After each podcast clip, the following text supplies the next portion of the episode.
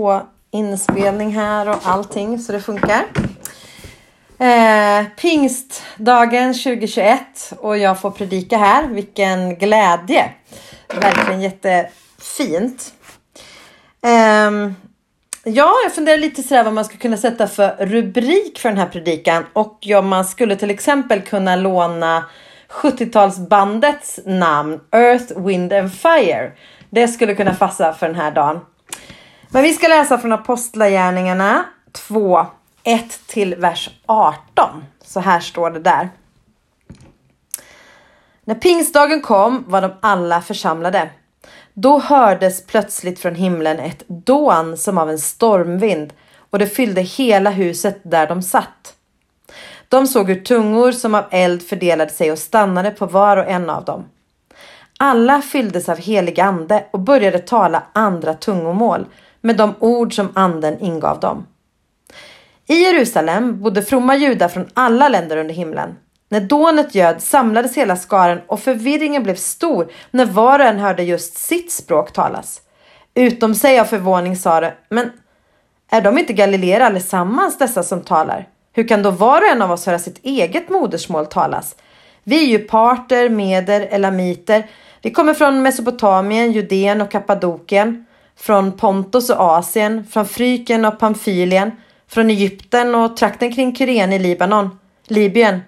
Vi har kommit hit från Rom, både judar och proselyter. Vi är kretensare och araber. Ändå hör vi dem tala på vårt eget språk om Guds stora gärningar. I sin häpnad visste ingen vad han skulle tro och de frågade varandra, vad betyder detta? Men andra gjorde sig lustiga och sa, de har druckit sig fulla på halvjäst vin. Då steg Petrus fram med de elva andra och tog till orda och talade till dem. Judar, ja alla ni som bor i Jerusalem, detta ska ni veta, lyssna till mina ord. Det är inte som ni tror att de här männen är berusade, det är ju bara morgon. Nej, detta är vad som har sagts genom profeten Joel. Det ska ske i de sista dagarna, säger Herren, att jag utgjuter min ande över alla människor. Era söner och döttrar ska profetera, era unga män ska se syner och era gamla män ha drömmar. Ja, över mina tjänare och tjänarinnor ska jag i de dagarna utgjuta min ande och de ska profetera. Vi stannar där. Ja, kom heligande och tala till oss den här stunden. Vi ber att vi ska få ha ett öppet hjärta för ditt tilltal in i våra liv. Amen. Det finns en, eh, ibland möter man en fördom om att vi i kyrkan eller vi som är kristna skulle leva lite som en egen bubbla. Att vi inte riktigt kanske har koll på hur det verkliga livet skulle vara eller något sånt där. Att vi är lite verklighetsfrånvända. Lite som de där aporna ni vet som ju också finns som såna här eh, emojis. De som inte ser, inte hör och inte talar. Den här händelsen som vi precis har läst eh, involverar både öron, ögon och mun. Eh, men på det helt motsatta sättet. När Guds ande kommer till Guds folk så hörs det, så syns det och så får man använda sin mun för att dela det vidare. Efter Jesu himmelsfärd så återvände ju lärjungarna, eh, Jesu mamma Maria, de andra kvinnorna, ja sammanlagt ungefär 120 personer till Jerusalem. Jerusalem. De följde Jesu uppmaning och väntade på anden. Det står att de var i ständig bön. Så när pingstdagen sen kom, då var de alla samlade. Och de befann sig på övervåningen i ett hus, men hela det här huset fylldes av, en, av ett dån som av en stark stormvind. Och dånet det hördes även utanför huset, för människor strömmade dit för att se eh, vad det var som lät. När jag läste teologi då läste jag fa faktiskt varken hebreiska eller grekiska. Jag valde bort det, men jag har ju kunnat läsa på ändå. Och då har jag lärt mig att ordet för vind och ordet för ande, det är samma på både i både hebreiskan och grekiskan så är det samma ord för vind och ande. Och att vinden får symbolisera anden. Ja, det sker ju också till exempel i samtalet som Jesus har med Nikodemus. Nikodemus som tillhörde Stora rådet och som kom till Jesus eh, på natten. I det samtalet så säger Jesus så här. Vinden blåser vart den vill och du hör den blåsa men du vet inte varifrån den kommer eller vart den far. Så är det med var och en som har fötts av anden. Vinden som inte är synbar men som är kännbar och påtaglig, precis som anden är. I det här tillfället på pingstdagen så står det faktiskt inte att det blåste utan att det står att det lät som en stormvind. Det var ljudet av en stormvind. Anden lät som en stormvind. Och efter det här ljudet, det här dånet, så kommer elden. Det står att de såg hur tungor som av eld fördelade sig och stannade på var och en av dem. Som någon stor eld som delar upp sig och så blir det eldslågor över var och en. Inte bara över männen utan över kvinnorna. Inte bara över några av dem utan av alla, över alla. Elden som en symbol för Guds närvaro. Den eh, kanske första tillfället man kommer att tänka på runt det om man har läst Bibeln förut. Det är kanske från när Mose får se en brinnande buske. Och så här står det om det i Andra Mosebok 3, 1-5. En gång när Mose vaktade fåren åt sin svärfar Getro, prästen i Midjan, drev han dem till andra sidan öknen och kom till Guds berg Horeb. Där visade sig Herrens ängel för honom i en eldslåga som slog upp ur en törnbuske. När Mose såg att busken stod i låga utan att brinna upp tänkte han, vilken märklig syn. Jag måste gå dit och se varför busken inte brinner upp. Då Herren såg att han gick för att se efter ropade Gud till honom i törnbusken. Mose, Mose. Han svarade, ja, här är jag. Herren sa, kom inte närmare. Ta av dig dina skor. Du står på helig mark. Guds heliga närvaro genom elden. Under pingstdagen så fick var och en av dem som var där eh, Guds heliga eld, Guds heliga ande över sitt liv. De fick använda sina öron, de fick använda sina ögon, men de får också använda sin mun. Alla fylldes av helig ande och de började tala andra tungomål med de ord som anden ingav dem. De började alla tala nya språk.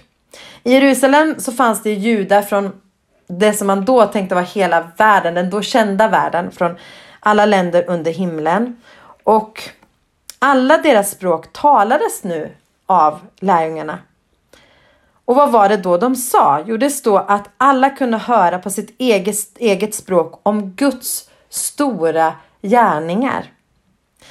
När deras ord och deras språk blev fyllt av anden så talade de om Guds storhet, om allt det goda Gud gör på alla jordens språk. Så om man kastar om det lite så ser ni att jag får till min rubrik här om Earth, Wind and Fire. Och det handlar om att använda alla våra sinnen, våra öron, våra ögon och vår mun. Anden drar oss inte in i en bubbla där vi är innestängda utan anden drar oss rakt ut i verkligheten. Där det krävs att vi skärper vår hörsel, där det krävs att vi skärper vår blick och där vi får använda vår mun för att tala. Så vad blev egentligen konsekvensen för de här människorna som fanns i det här övre rummet när de fick vara med om det här unika pingstundret? Exakt så här som det hände där och då. Det var ju unikt för just där och då. Och man kan sammanfatta det i tre punkter, lämpligt, lämpligt nog. De kom i rörelse, de tillbad, de delade evangelium på alla språk om Jesus. De hade ju varit i en tid av väntan, av bön och av eh, isolering i det här, vid det här tillfället. Det måste varit en väldigt speciell tid eh, från himmelsfärden och att dra sig undan och vänta på att den här hjälparen ska komma.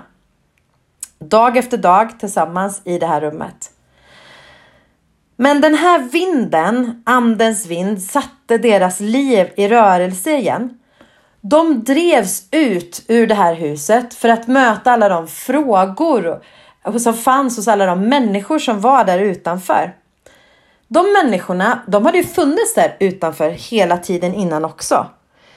Ehm, men nu vände de sig, nu möts de här utanför och de andra människorna i staden de säger vad är det som händer? vad är det för dån vi hör? Varför hör vi om Guds stora gärningar på våra egna språk? Vad betyder det som sker? Och så möts de plötsligt här utanför. För ljudet av anden, det hade hörts i hela Jerusalem. Dånet från anden hade nått inte bara de i rummet som väntade, utan också de utanför som inte hade en aning om vad anden, att anden var på väg. De som levde sina vanliga liv, eh, men som nu överraskades av ett dån. Anden kan alltså komma till oss när vi väntar och längtar, men anden kan också komma som en överraskning när vi inte alls väntar på det. Som något okänt som väcker frågor. Och lärjungarna de började ju tala på språk som de själva inte kunde. Det verkar så, för människorna som möter dem där ute, de frågar sig hur kan de här som eh, kommer från Galileen, som kanske är det underförstått i den meningen att de är obildade, de har inte eh, de kommer inte från överallt i världen. Hur kan de tala våra språk?